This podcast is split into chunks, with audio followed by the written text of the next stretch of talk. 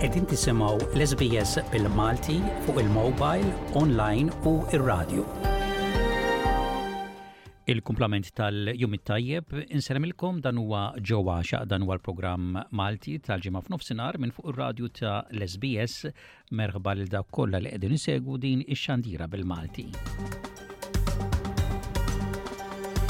Fil-programm tal-lum fost aħbarijiet u ġrajiet kurrenti konna servizzi u aħbarijiet minn Malta mill-korrispondent tagħna hemmhekk Infakkru wkoll li l-wieħed mill-mexxejja ewlenin li kellna fl-Istat ta' Victoria għal aktar minn nofs seklu, l-Avukat Victor Borg li proprju illum jagħla tliet snin mejjet. Flimkien ma' informazzjoni, avviżi u mużika ta' interess għal komunità Maltija fl-Awstralja, fosthom rapport dwar kif nippreparaw għal maltemp u l-arar li f'dawn l-aħħar xhur qed inħabtu wiċċna magħhom aktar ta' spiss. Imma nibdew il-programm bħas-soltu b'aġġornament tal-aħbarijiet.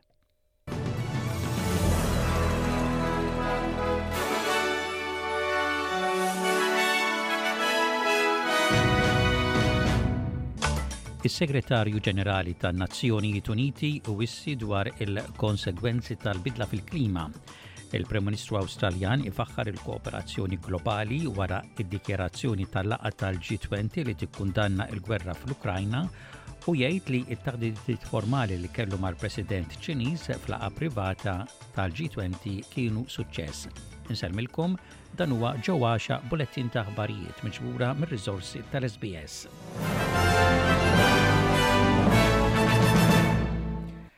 Fil-laqgħa tal-COP 27 fl-Eġittu, is-Segretarju Ġenerali tan-Nazzjonijiet Uniti, Antonio Guterres, għamel diskors ta' twissija biex iwissi dwar il-konsegwenzi tal-bidla fil-klima f'dak li għandu x'jaqsam ma' pajjiżi żviluppati u pajjiżi mhux żviluppati. Guterres tkellem dwar in-nuqqas ta' fiduċja bejn il-pajjiżi billi ftit saru ftehmijiet f'din il-laqgħa u ma kienem lebda kumpens finanzjarju għal pajizi il-fqar. Send a clear signal that the voices of those on the front lines of the crisis are finally being heard. Reflect the urgency, scale, and enormity of the challenge faced by so many developing countries. We cannot continue to deny climate justice to those who have contributed least to the climate crisis and are getting hurt the most. Now is a moment for solidarity. Il-Prim Ministru Awstraljan Anthony Albanizi faħħar il-kooperazzjoni globali wara d-dikjarazzjoni tal-laqgħa tal-G20 li tikkundanna l-gwerra fl-Ukrajna. Waqt li kien qed jindirizza konferenza stampa wara l-laqgħa, Albanizi faħħar it-taħdidiet bħala suċċess għall-kooperazzjoni internazzjonali partikolarment kien ottimist dwar il-kundanna unanima ta' l-invażjoni Russa fl-Ukrajna. That was quite extraordinary that uh, President Widodo noted in his closing remarks that that's the first time you've had a statement uh, like that uh, come out of a body like the G20, uh, where, which of course Russia is a member of. Uh, I think it was a very clear statement in those circumstances and in that context Russia is increasingly isolated. Il-Prim Ministru Awstraljan Anthony Albanizi jgħid li t-taħdidiet formali li kellu mal-President Ċiniż Xi Jinping f'laqgħa privata tal-G20 kienu suċċess. Kien sitt snin ilu mindu kien hemm laqgħa bejn il-Prim Ministru Awstraljan u l-President Ċiniż. Malcolm Turnbull kien l-aħħar Prim Ministru Awstraljan li kellu laqgħa formali mal-President Ċiniż fis-sena 2016.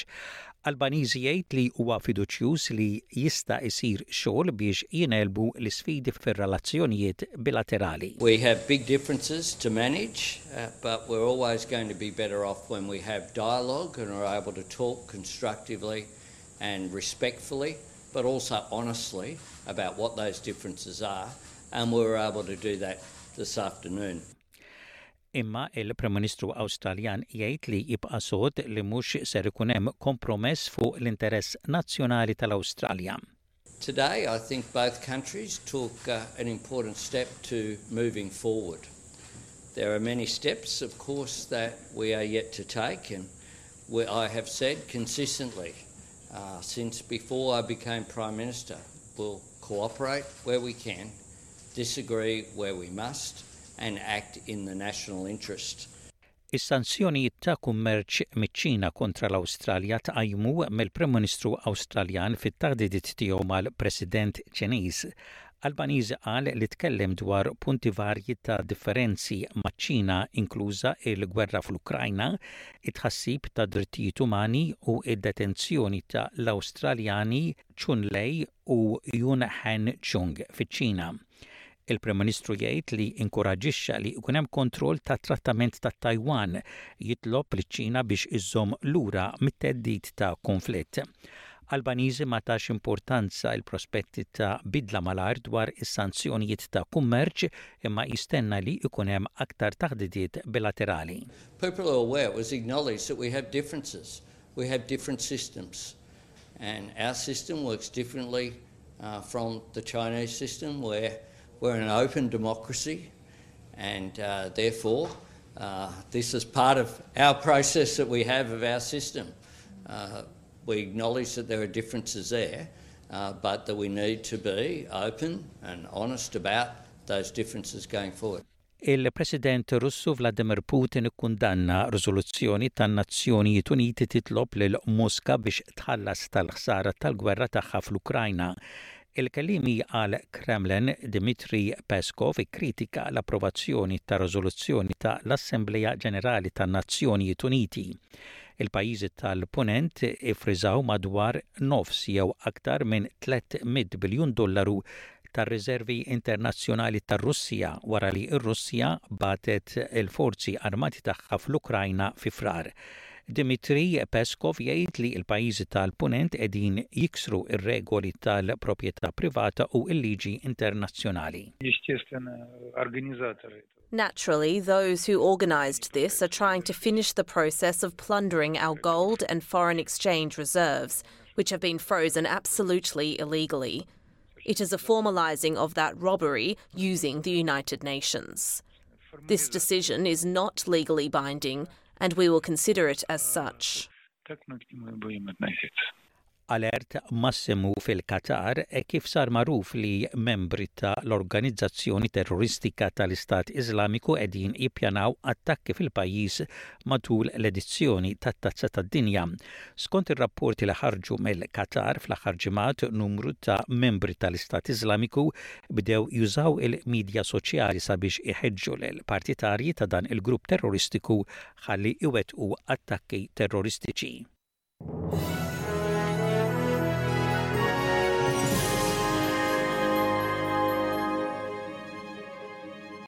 Fl-isport, sħana tremenda mistennija fil-Qatar għal din it-Tazza tad-Dinja mill-ġimgħa d-dieħla. Fl-istadiums ġiet iżviluppata sistema ta' arja ikkundizzjonata li twaddab bħal bżiża ta' arja kiesħa fuq l-istands fejn ikun hemm il-partitarji. Issa li ninsabu viċin il-bidu tal-kompetizzjoni, it-tbassir jindika sħana kbira għal logħbiet tat-Tazza tad-Dinja mill-ġimgħa d-dieħla. Il-forward Awstraljan Craig Goodwin tkellem qabel l-ewwel logħba tas-Socceroos kontra Franza fl-ewwel logħba tat-Tazza tad-Dinja. Minkejja it-tim Franċiż huwa meqjus aktar qawwi mill-Awstralja, Goodwin jgħid li huwa fiduċjuż li l-Awstralja jkollha logħba tajba. Yeah, well, obviously we will um, study their gameplay and, and their style and look at the ways that um, they're very effective and, and also the ways that we can hurt them. and we should go out there with, with no pressure um, because we are the underdog and you know I think we have that self-belief um, and we've shown along the way to qualifying for this World Cup we've been um, written off on, on many occasions in, in games and we've been able to get here so I think we go in with full confidence we know that it'll, it'll be a tough game But there's no reason why we can't shock the world. Il-logħob tat-Tazza tad-Dinja jibda kmieni nhar it-Tnejn bl-Awstralja tiltaqa' ma' Franza l-Erbgħa. U intemmu dan il-bulettin ta' aħbarijiet parsa lejn ir-rapport tat-temp ħalbit tax-xita mistennija f'Perth u f'Adelaide, temp xemxi mistenni f'Melbourne, f'Wolongong, f'Sydney, f'Newcastle, f'Brisbane u f'Cairns u temp daqsxejn msaħħab. mistenni f'Hobart u f'Kembra. Dak kien bulettin ta' ħbarijiet mir-radju tal-SBS għallum il-ġimgħa it-18 il-jum tax-xahar ta' Novembru tas-sena 2022.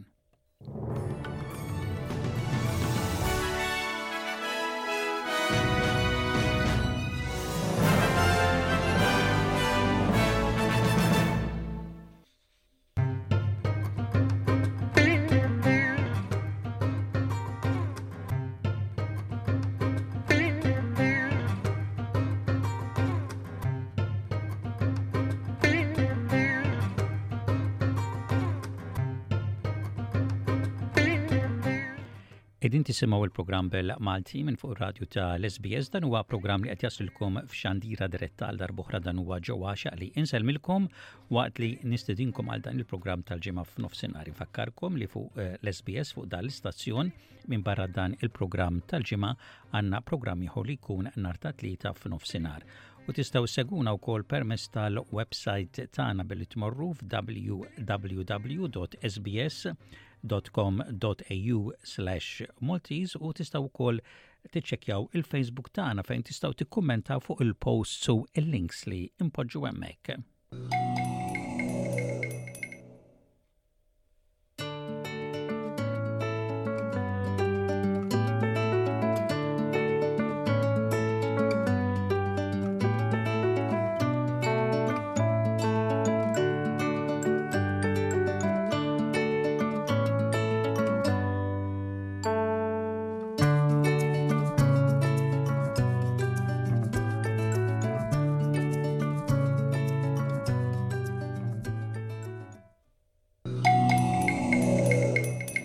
Minn hawn u ftit ieħor inwaslilkom rapport mill-korrispondent tagħna f'Malta Leonard Kallus li jirrapporta dwar l-aħbarijiet ewlenin minn Malta f'din l-aħħar ġimgħa. Fil-programm illum ser infakkru lil l-Avukat Viktor Borġ li għal bosta snin kien President tal-Kunsill Malti ta' Victoria u kien involut f'ħafna kumitati u oqsma multikulturali u karigi importanti fl-okkażjoni E, namlu dan fl-okkazjoni ta' ilu it-tielet sena minn mewtu propju illum it-18 ta' Novembru.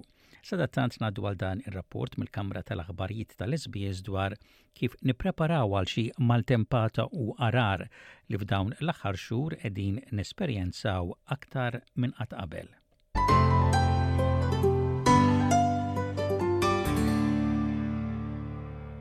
F'dawn l-aħħar snin fl-Awstralja qed ngħaddu minn l-agħar għargħar li qatt seħħ fl-istorja ta' dan il-kontinent. Bejn is-sena 2020 u din is-sena, partijiet kbar tal-Awstralja spiċċaw taħt l-ilma tliet darbiet jew erba' darbiet. Waqt li x-xita qawwija kontinwa qed tikkaġuna li x-xmajjar ifuru, xi komunitajiet li joqogħdu fi nħawi li huma aktar affettwati mill-għarar kellhom ħsarat kbar f'darhom u l-proprjetà tagħhom. Kien hemm ukoll telf ta' ħajjiet tan-nies. Allura kif tkun taf jekk temp li jikkaġuna ħsarat serji hux sa jaffettwak u x'għandek tagħmel biex tipprepara? Lil min tista' titlob għal l-għajnuna u għandek tibqa' f'darek jew titlaq xi mkien ieħor?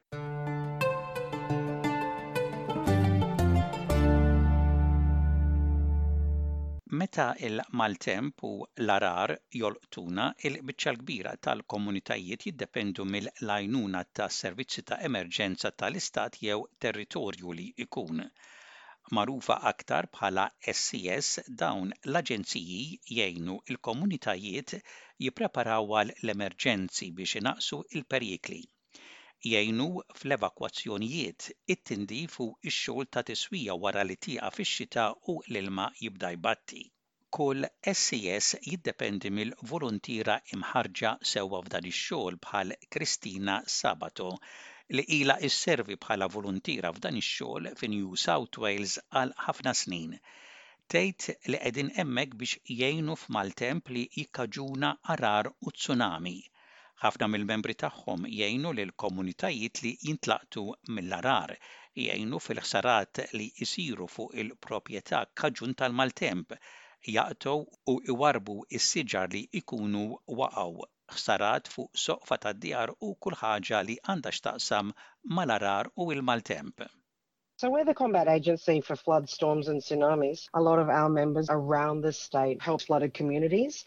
We look after uh, any storm damage to property, trees that have come down, roof damage, anything of that nature that's related to either flash flooding or storms.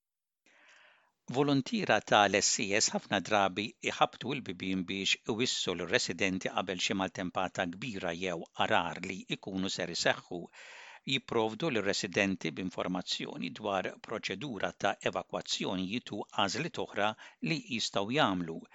Jistgħu jgħinu fil-protezzjoni ta' proprjetajiet jew infrastruttura billi jneħħu affarijiet perikolużi jew billi jippreparaw xkejjer bir-ramel biex jibnu ħitan temporanji biex l-ilma ma jidħolx fil-proprjetà li tkun Dorothy Tren hija Uffiċjal Komunitarju għal SCS fi New South Wales.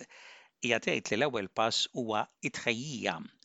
In-nies għandhom jifhmu kemm ikun kbir il-periklu biex ifasslu pjan ta' emerġenza ta' dak li għandhom jagħmlu jekk jintlaqtu minn diżastru, ikunu jafu jekk fejn joqogħdu jistax jintlaqat mill-għarar, jekk joqogħdu fejn hemm l-ilma bħal creek jew xmajjar għandhom ikunu jafu jekk dak l-ilma jistax inixxi jekk tagħmel ħafna xita u jekk jaffettwax darhom jew minn fejn jgħaddu.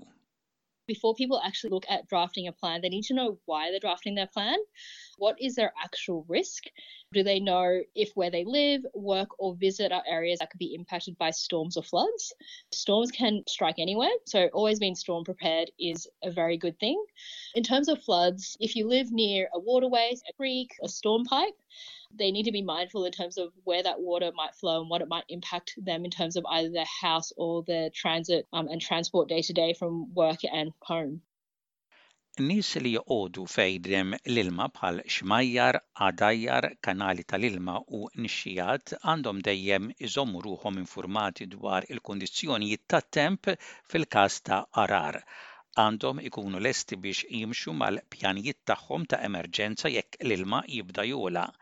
Jekk ikollhom tfal, pets jew annimali oħra għandhom ikunu jafu kif u fejn jistgħu jeħduhom 'il bogħod mill-periklu. Skont kemm ikun kbir il-periklu jista' jkollhom bżonn jevakwaw jew jistgħu jibqgħu f'darhom biex jiddefendu l-proprjetà tagħhom. Tagħmel x'tagħmel, dawk li joqogħdu f'inħawi li huma affettwati mill-għargħar għandhom jikkunsidraw xi provvisti meħtieġa jkollhom bżonn minn qabel u jżommu pakketti ta' dawn l-affarijiet meħtieġa għal-lest. Dorothy Trent tispjega jekk ikollhomx bżonn mediċina kuljum. X'aktarx ikollok tikkunsidra l-bżonnijiet meħtieġa bażiċi bħal ftit ħwejjeġ, ftit ilma u ikel, jekk ikollok pets jew tfal ara li jkollhom l-affarijiet meħtieġa tagħhom. Għat-tfal ara li jkollok ftit ħwejjeġ għalihom, ikel, ħrieqi u prams, u xi ġugarell ukoll jew kutra li jħossuhom sikuri u komdi. Do they need things like medication day to day? You probably need to consider your basic necessities, so having spare set of clothes, having. some water and food. If you have pets or any children in your family, making sure you've got items for them. So, pets probably need things like leashes, carriers, maybe some of their foods and treats. For kids, spare clothes, food for them if required, nappies if it's a baby or a toddler, prams, and have something that's comforting as well. It could be treats, toys, or a comfortable blanket to make sure that they also feel safe and comfortable Dorothy Tran tissuġġerixxi wkoll li iżżomm in-numri ta' kuntatti ta' emerġenza għal-lest u li oħrajn ikunu jafu bil-pjanijiet tiegħek minn qabel. Tista' tmur għand xi ħadd tal-familja jew ħbieb li jkunu joqogħdu barra l-inħawi li ma jkunux affettwati mill-għargħar, ikollok bżonn tmur f'xi ċentru ta' evakwazzjoni u speċjalment jekk ma tkunx taf u tifhem bl-Ingliż sewwa. if you are going to leave, discuss with family and friends where will you be going?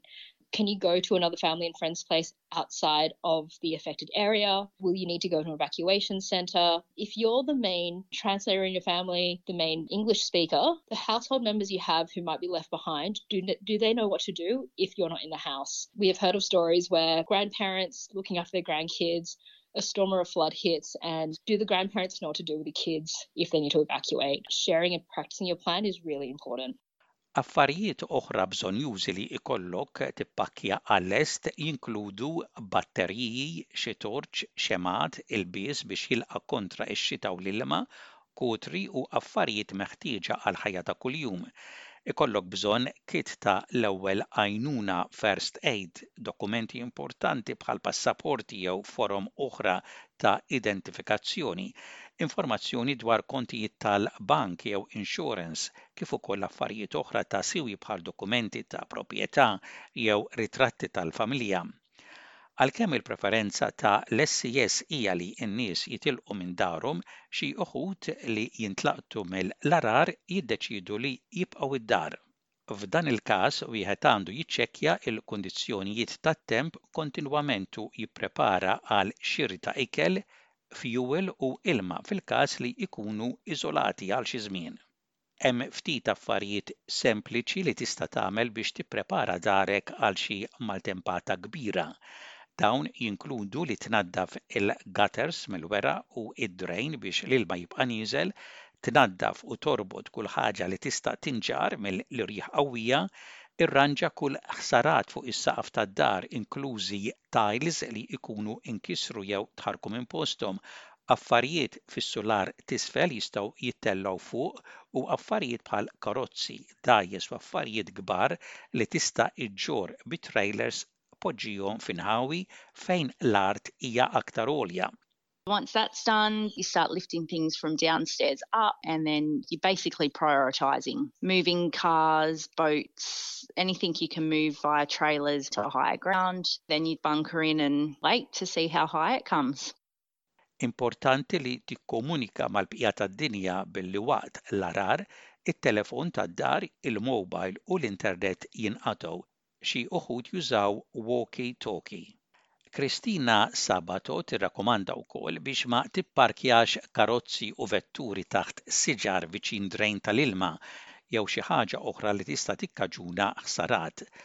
tisħaq li l-aktar ħaġa importanti u li tista' ssalvalek ħajtek hija li ma issuqx fl-għarar. Fl-ilma imdardar jista' jkun hemm kull xorta ta' tifrik jew ħsarat u ħofor fondi fit-triqat. Jista' jkun hemm kurrenti perikolużi tal-ilma li jgħarrqu u jġorru l-karozza jew vettura li tkun Dorothy Tran iżżid tgħid li jista' jkun hemm perikli oħra fl-ilmijiet li ma tkunx tistenna bħal sriep, brimb u kull xorta ta' insetti li jistgħu jidħlu fil-vettura. There's been quite a few stories over the last few years where if you end up in a vehicle even in flood waters snakes and spiders and all sorts of insects climbing into your vehicle as well um, and that could also lead to a whole bunch of other troubles so I really encourage people to leave rather than you know stay and find themselves traveling through flood water. Importanti wkoll li tiċċekkja l-policy tal-insurance tiegħek jekk hix imġedda u tilħaqx il-bżonnijiet tiegħek. Kun żgur li tkopri t-tipi ta' avvenimenti speċifiċi li jaffettwaw fejn toqgħod int. Dawn jistgħu jinkludu għargħar, ħsarat ta' ilma ikkaġunat mill-maltemp, qtugħ ta' art u ħsarat ikkaġunati minn siġar jew affarijiet li jiġġarrfu bil-maltemp.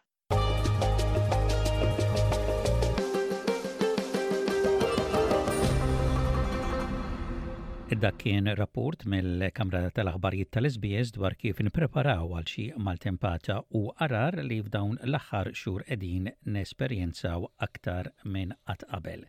Qegħdin tisimgħu l-programm bil-Malti minn fuq ir-radju ta' l-SBS programm li qed jaslilkom f'xandira diretta. Inkomplu il-programm billi ngħaddu issa dan is-servizz mill-korrispondent tagħna f'Malta Leonard Kallus li se jirrapporta dwar l-aħbarijiet ewlenin minn Malta f'din l-aħħar ġimgħa.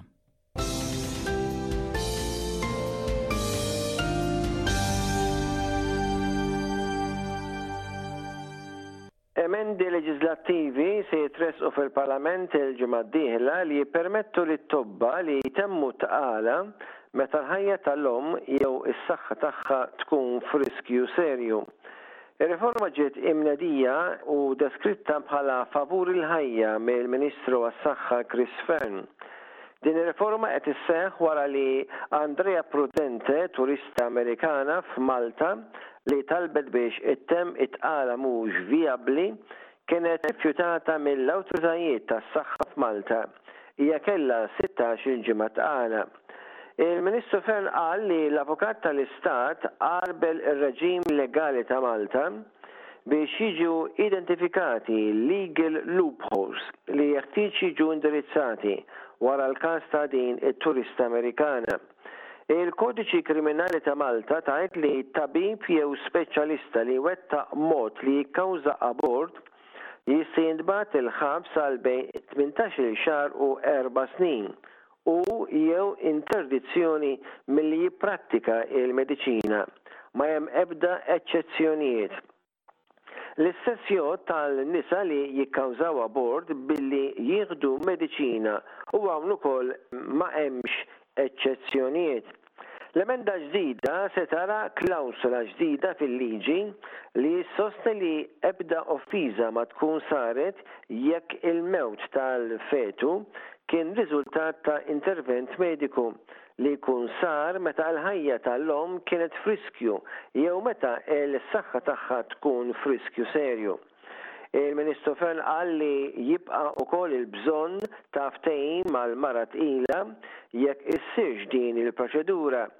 Il-Ministru Fearne qal li r-raġuni wara din ir-riforma hija biex jiġu indirizzati numru ta' sitwazzjonijiet fejn mara tqila tista' tkun f'periklu serju għas-saħħa u s-sigurtà tagħha.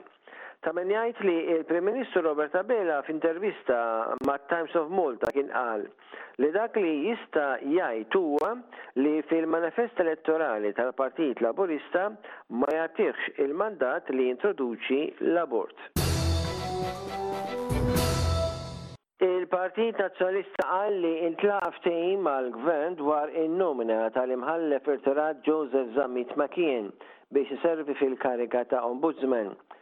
Iżda għadhom sejrin dwar min se jinħatar Kummissarju tal-Istandards fil-Ħajja Pubblika.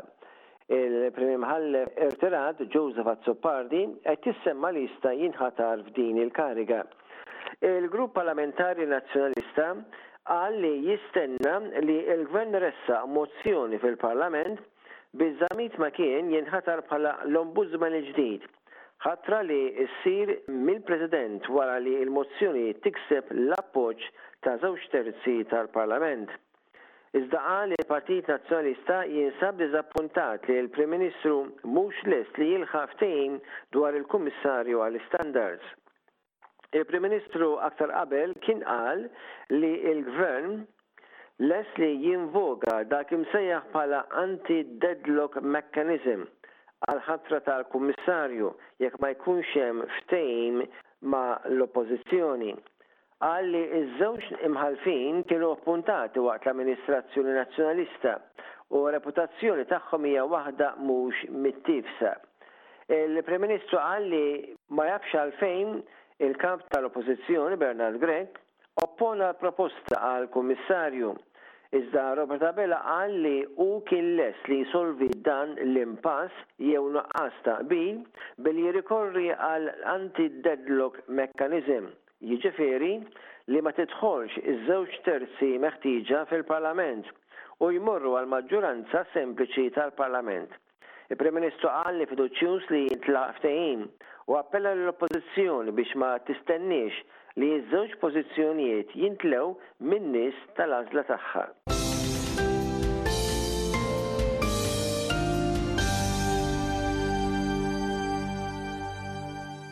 Il-Prim Ministru inawgura faċilità ta' Burmarat Group fil-Marsa, proġett li qam tnax-il miljun ewro. Robert Abela faħħar lil din il-kumpanija li tħaddan mal-Mitrugħ għall-investiment tagħha f'teknoloġija sostenibbli u għat-tkabbir tagħha. Il-fundatur ta' Burmarat Group huwa Mario Gauci li flimkien mal-familja imbarka fuq dan l-investiment fis-sena 1984. Dan sostna li l-kumpanija ffaċċjat ħafna sfidi anke meta twaqqfet, iżda imxiet 'il quddiem permezz ta' l-appoġġ tal-familja tiegħu u l-ħaddiema tal-kumpanija. Qal li din il-faċilità l-ġdida kienet ħolma li saret realtà.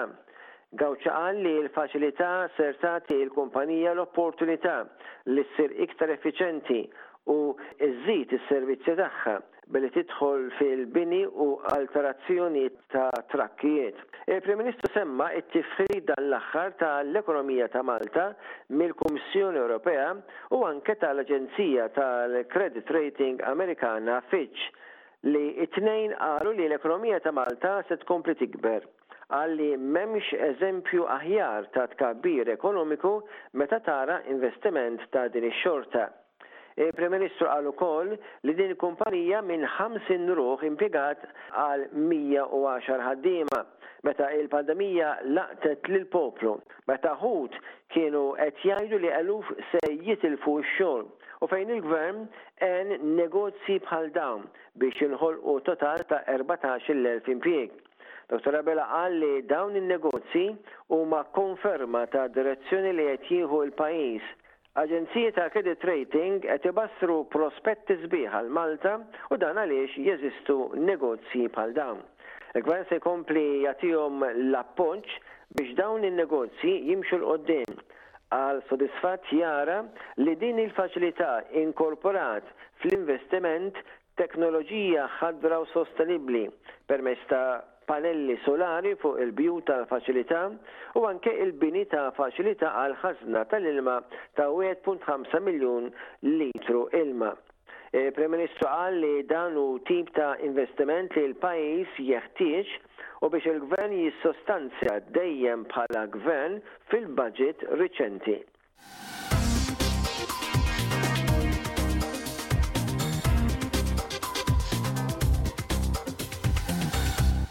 U dak kien il-korrispondent tagħna Leonard Kallus jirrapporta minn Malta.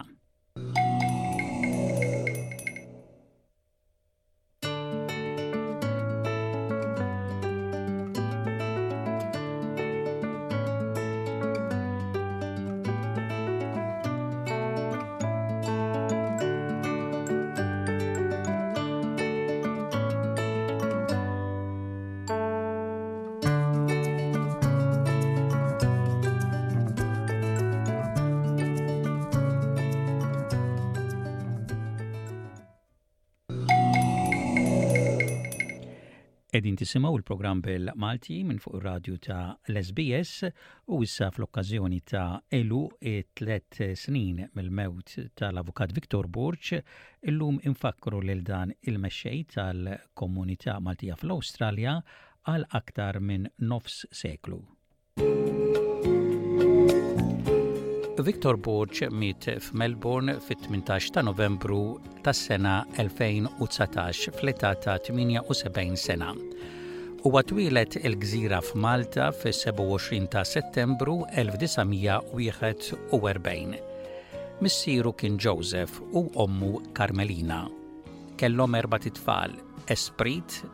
Rosemary u Jeanette tewmija ma' Victor. Missier Victor kien jaħdem fin-Navy, l-Armata u l-Istitut tal-Forzi tal-Ajru li kienu jipprovdu l-provisti lis-servizzi Ingliżi f'Malta. Omm Victor kienet għalliema u wara anke kap ta' l-iskola u is-sens ta' kompassjoni u għajnuna tagħha lil min huwa batut u żvantaġġjat kienu li influwenzaw lil Victor Borg fil-karriera professjonali u l-involviment fil-komunitajiet.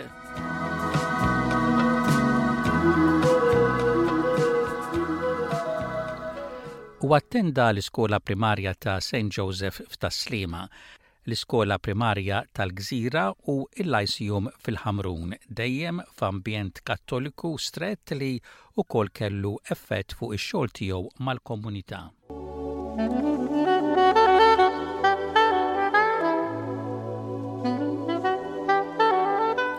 Is-snin ħamsin ta' wara l-gwerra kienu snin diffiċli għall-familji Maltin u kien f'dan iż-żmien li l-ġenituri ta' Victor għarfu li biex uliedhom ikollhom futur aħjar kien li jitilqu lell-Awstralja kif kienu qegħdin jagħmlu ħafna familji f'dak iż-żmien. Victor kellu tlettax-il sena meta telqu lell-Awstralja. Waslu l-Awstralja fuq il-vapur Strathard f'port Melbourne fil-20 ta' Mejju 1955.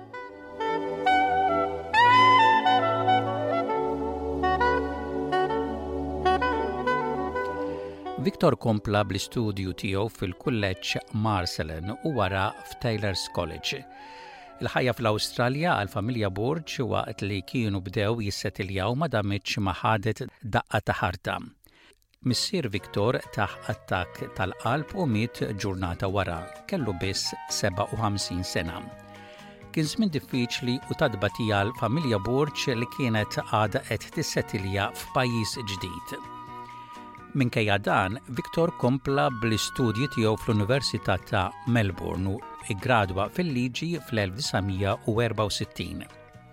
Għamel l-ewwel xogħol ta' esperjenza fil-liġi ma' Middleston ditta ta' avukati u beda jipprattika bħala avukat fil-Qorti Suprema ta' Victoria.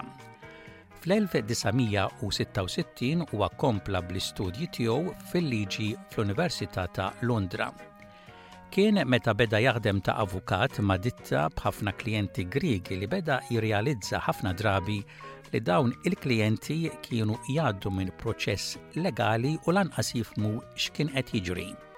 Ħassu wkoll il-preġudizzju kontra il-migranti u rrid jagħmel xi ħaġa dwarha.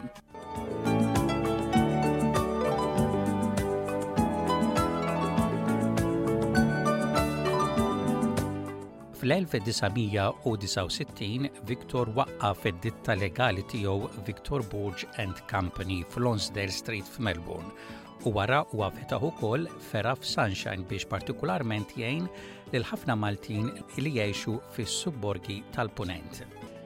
Kien f'dan iż-żmien li Victor Borg ingħaqad mal-Maltese Community Council, il-Kunsill Malti ta' Victoria, organizzazzjoni li tiġbor fiha l-għaqdiet u l-organizzazzjonijiet Maltin fl-Istat ta' Victoria. Fl-1974 kien elett bħala President għall-ewwel darba. Ir-rabta tiegħu mal-Kunsill Malti, il-biċċa l-kbira bħala President, saret parti essenzjali mill-ħajja ta' Viktor Burġ għal kważi 50 sena u ismu sar sinonimu mal-Maltin f'Melbourne. Fejn tidħol iż-żamma tal-kultura u l-lingwa Maltija u x-xogħol ta' welfare u problemi u servizzi għal Maltin, l-uffiċċju ta' l-Avukat Victor Borg fl-Onsder Street kien qisu ċentru Malti ieħor fejn jiltaqgħu il-Maltin. Ġranet twal minn kmini filgħodu sa tard fil-għaxija biex ilaħaq mal-komunità u x-xogħol legali tiegħu kontinwament jaħdem fuq proġetti għal Maltin bħal konvenzjonijiet tal-Maltin li jgħixu barra fejn kien ikollu jinżel Malta wkoll bħala wieħed mid-delegati ewlenin. Għaddejna dwar suġġetti tal-kultura u l-lingwa u affarijiet bħal dawn. Sar minnhom l-Awstralja u pajjiżi oħrajn. Tkellimna wkoll dwar dwar l-anzjani u l-bżonnijiet tagħhom. Tkellimna wkoll dwar l-istorja ta' Malta u l-immigranti u għamilna koċ riżoluzzjonijiet dwar dak kollu sewwa.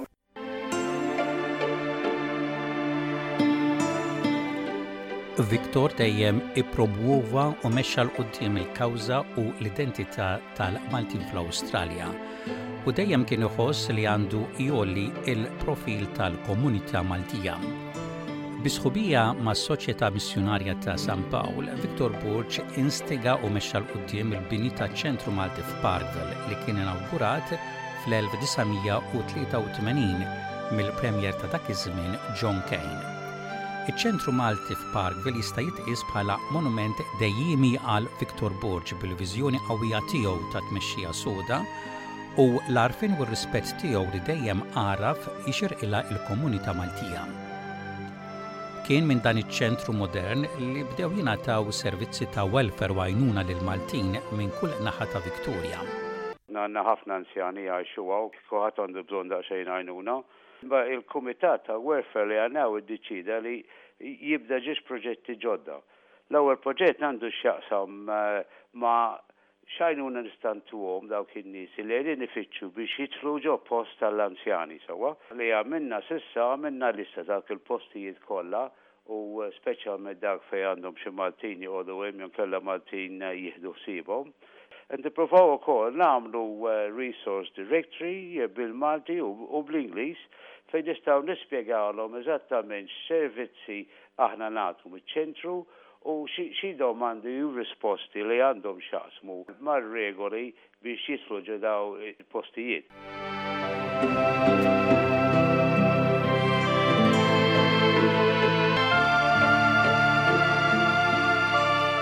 Iċ-Ċentru Malti sar ukoll post fejn jiltaqgħu l-Maltin mhux biss għal servizzi ta' għajnuna imma wkoll għal attivitajiet soċjali, rekreattivi u kulturali.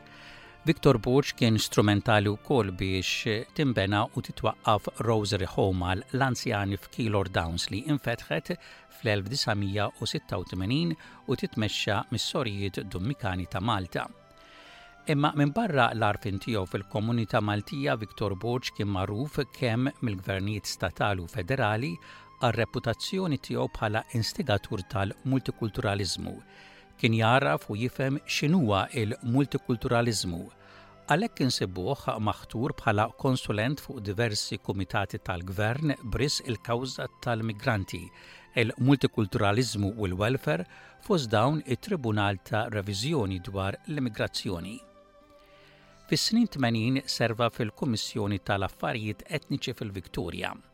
Mill-1991 sal-1997 kien ukoll iċ-Chairman tal-Kunsill tal-Komunitajiet Etniċi fil-Victoria. Kien f'dan iż-żmien li isem Victor Borg kompla jinxtered u jkun magħruf fost il-komunitajiet etniċi fil-Victoria.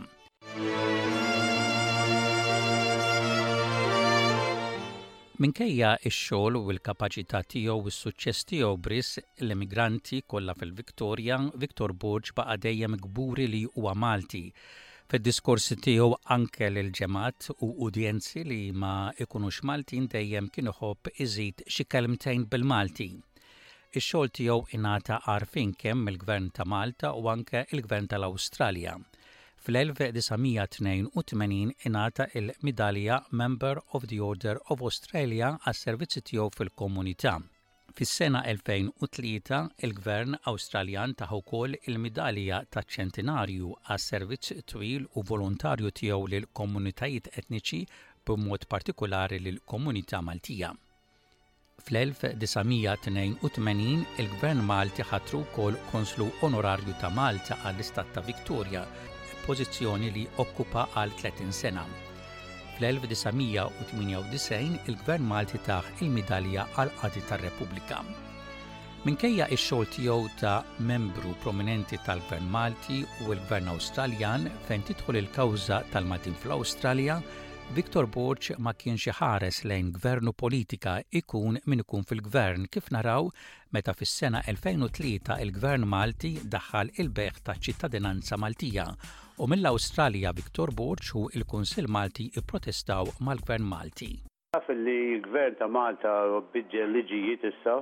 biex ikollu d-dritt li jbigħ ċittadinanza Maltija għal somma ta' 650 elf euro li jiġu qisu miljun dollars Awstraljani. Aħna jidhrilna li l-ewwel nett mhix ħaġa sew li qed jagħmel din u t-tieni jekk se jagħmilha u jibqa' sejjer biha importanti li jkun hemm ħafna safeguards biex nagħmlu żgur ma nispiċċawx b'ħafna nies li ma jkunux ta' benefiċċju għal Malta.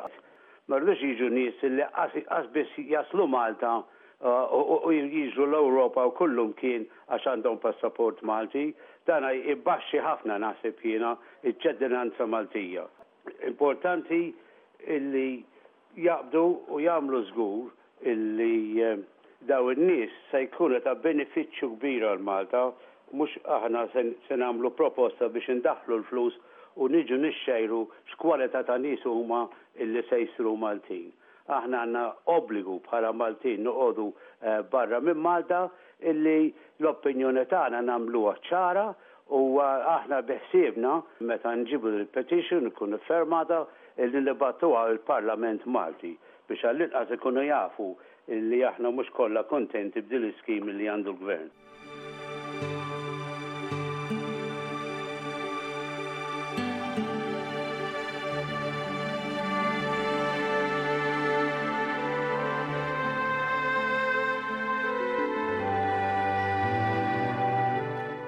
Victor Borg kien ta' ispirazzjoni għal dawk kollha li kienu jafuh jew ħadmu miegħu mill-qrib Ħabrieki fix-xogħol tiegħu dejjem bi tbissima u ċajta kien ikona tal-komunità Maltija. Kien jemmen fir-radju etniku bħala mezz biex jgħaqqad u jwassal il-kelma Maltija lill-komunità. Għalhekk insibuh fuq quddiem fit-twaqqif tax-xandir bil-Malti fis-sena 1975. l-ewwel fuq 3ZZ u imbagħad 3EA u SBS u kważi sal-aħħar ta' ħajtu kien parti mit-tmexxija tal-istazzjon komunitarju 3ZZZ. Kien jinstema regolari fuq il-programmi tagħna bħala avukat u anke bħala President tal-Kunsill Malti. L-aħħar darba li kellimt lil Victor Borg kien f'Lulju tas-sena 2018 meta il-Kunsill Malti ta' Victoria għala 60 sena u huwa kien fiċ-ċentru ta' dawn is-60 sena ta' ħidma. Dejjem b'ċajta u bitbissima imma mbagħad fejn jidħlu l-bżonnijiet tal-komunità bl-akbar serjetà. Ili għawek, mill-1970. Imma din aħħar sena tija ġo, suponi, mux ma konċ president il-ħin, kollu mm. kont fil-komitat jaffet bħal daw, fimni? Missa wasal il-ħin li nħallu xaħat iżar biex jihu xsib u jihu responsabilta jina nibqa najnom, Imma ħaġa sabiħa li you know nkunu nistgħu nibqgħu noffru s-servizzi li noffru lill-Maltin sewwa għax dak kien dak kien l-iskop ta' meta twaqqfet din l-għaqda. Dak iż-żmien fl-1958 Pawlu Paris kien il-President u kellu ħafna oħrajn miegħu, nies tal-Kumitat u kien hemm ukoll Father Galea, Alla jaħfirlu, u ingħaqdu biex ikunu jistgħu jgħinu lill-Maltin u sħabhom li dak iż-żmien kienu kienu ġejjin f'numri kbar minn Malta.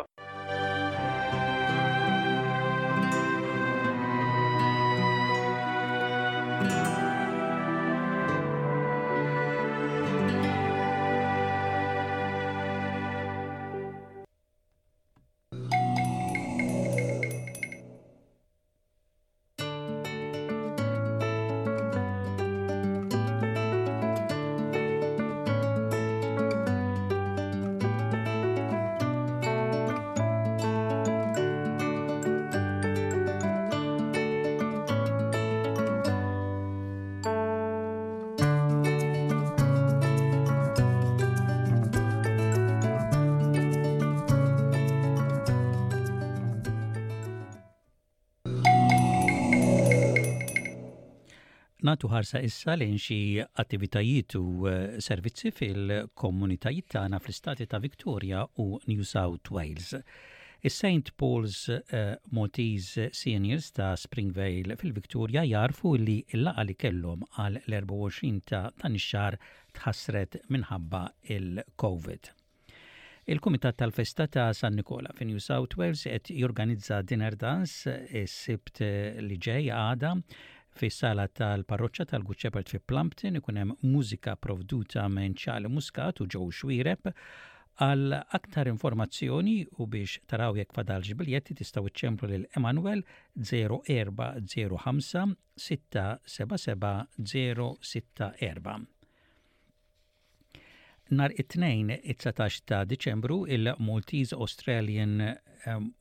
Women's Association ta' New South Wales se jorganizzaw qudiesa għal membri jew kull min jixtieq jattendi fil-Kappella ta' San Pawl, De Piro House, Stanley Street, Sydney, biex jiċċelebraw flimkien il-Milied fl-10 nofs ta' filgħodu. Jaqaddes il-Kappillan tal-Għaqda Dun Tarċisio Micallef tas-Soċjetà Missjunarja ta' San Pawl wara jkun hemm ikel u kikra kafe jew te. Jagħrfu wkoll li ser jerġgħu jibdew jiltaqgħu f'Depiro House, Stanley Street Sydney. Il-ġurnata se tibqa' tkun nhar ta' Tnejn skont l-avviżi ta' kull xahar. Kull min jixtieq jattendi jista' jċempel lill-President Joyce 9718295 jew inkella lil Antoinette 0438639986 huwa importanti li iċċemplu jew tħallu messaġġ li tkunu ser tattendu. Is-Sibt 3 ta' Diċembru huwa l-ewwel Sibt tax-xahar u fis-Santwarju tal-Madonna ta' Pinu Bekku Smarx fil-Victoria fis-satejn ta' wara nofsinhar ikun hemm Rużarju u Disa u Barka Sagramentali għal kull informazzjoni tistgħu iċċemplu 53677006. Qed ikun organizzat Christmas Market suq għal-milied fiċ-Ċentru Kulturali ta' Albion fil-Victoria l-Ħadd il-11 ta' Diċembru mid-9:30 ta' filgħodu sa satejn.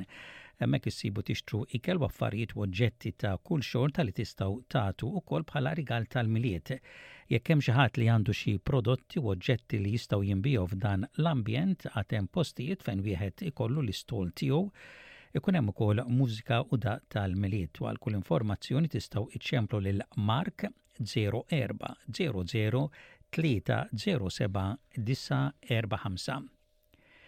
Il-klabb Għannejja Maltin fil-Victoria eh, se jorganizza qudiesa it-tlieta 29 ta' Novembru eh, minn Dun Edwin Aġus fis-6 u nofs ikun hemm ir-Rużarju u fis-seba' il-qudiesa il-komunità Maltija hija mistiedna biex tattendi. Is-Sibt, it-Tlieta ta' Diċembru huwa l-ewwel Sibt tax-xahar u l-Istella Maris Maltese Association fil-Victoria ser ikollhom il-quddiesa fil-Knisja ta' Saint Joseph f'North Reservoir fil-ħamsa u nofs ta' filgħaxija.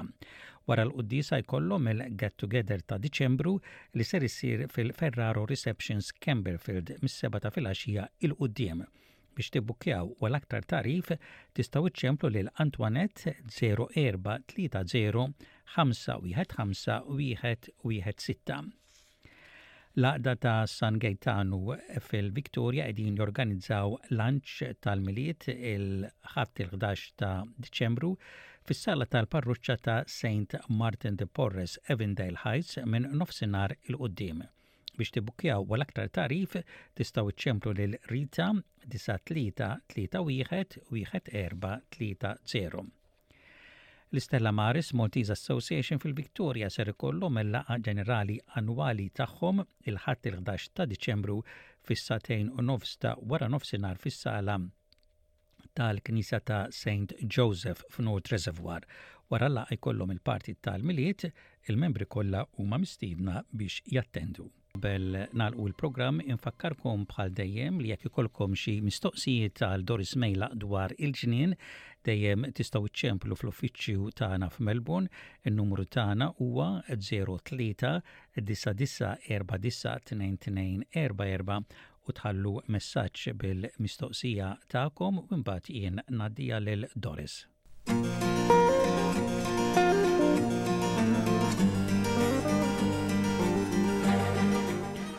Wekk għal darbuħra wasalna fit tmim ta' programm ieħor bil-Malti minn fuq ir-radju ta' l-SBS jiena nirringrazzjakom tal-kumpanija tagħkom. Nawguralkom il-kumplament tal-jum it-tajjeb u tmim il-ġimgħa mill-isbaħ infakkarkom li programm ieħor bil-Malti jinstema' fuq dan l-istazzjon nhar it-Tlieta f'nofsinhar. Sadattant tistgħu tkomplu issegwuna permezz tal-paġni tagħna tal-website u l-Facebook.